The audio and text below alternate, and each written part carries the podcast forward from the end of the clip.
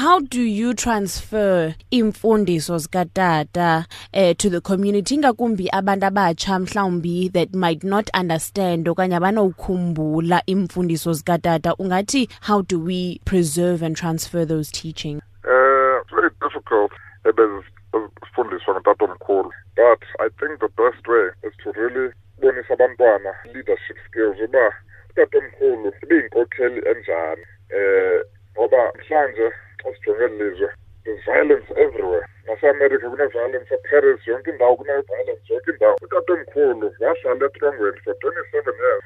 Waphuma etrongweni engenomsindo ethi we need to have peace and unity on this country.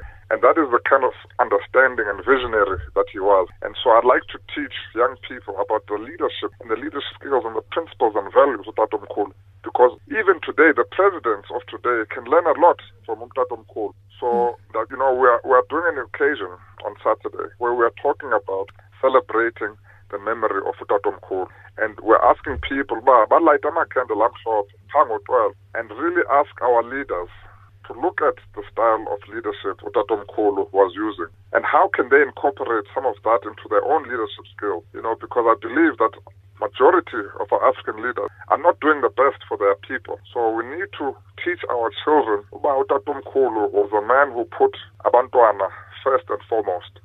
so mna ke into endibonayo apha eAfrika especially eh emaplazini amakhaya abantu abana access kwi-computers so i-organization yethu i-africa rise idibene ne-nelson mandela museum phaa equnu. Sinesenta ngoku. Eh le center ke sifuna ukufundisa abantwana i-computers next year sifuna ukufaka ne-coding i-computer program. So bakwazi abantu bazenzele bona i-application for specifically for the rural areas because applications ozifumanayo i-uber lapha edolophini soze zisebenze phaa edolophini so we want people edolophini to be able to develop their own applications to develop their own games that can assist people in those areas all right and going forward um, how do you plan to keep his legacy alive you know, of course, we have Mandela Day, which is something very big uh, here in South Africa already. Uh, you know, Nelson Mandela dedicated 67 years of his life to doing public service. So the Mandela Day is about doing 67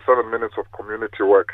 And so everyone is very familiar about that. But what we are trying to do now is to take it to the next level to make sure that the whole world, not just South Africa, understands what Nelson Mandela Day is all about and make sure that they participate in Nelson Mandela Day all over the world, not just in South Africa.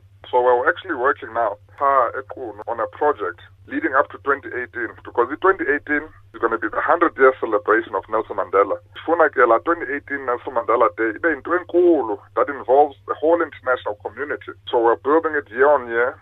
and then ngoku yabo that is one of the most important days and then nale mini ke ka-5 december eh enye imini esifuna ukuyisebenzisa to highlight peace and unity to also highlight activism against violence against women and children because women and children are the most vulnerable people in our society. And yet, they are the most important people of our society. So we need to make sure we do what we can to protect them, guide them, to encourage them to be able to reach their full potential. All right, Ndaba, thank you so much for your time and for speaking to us at True FM.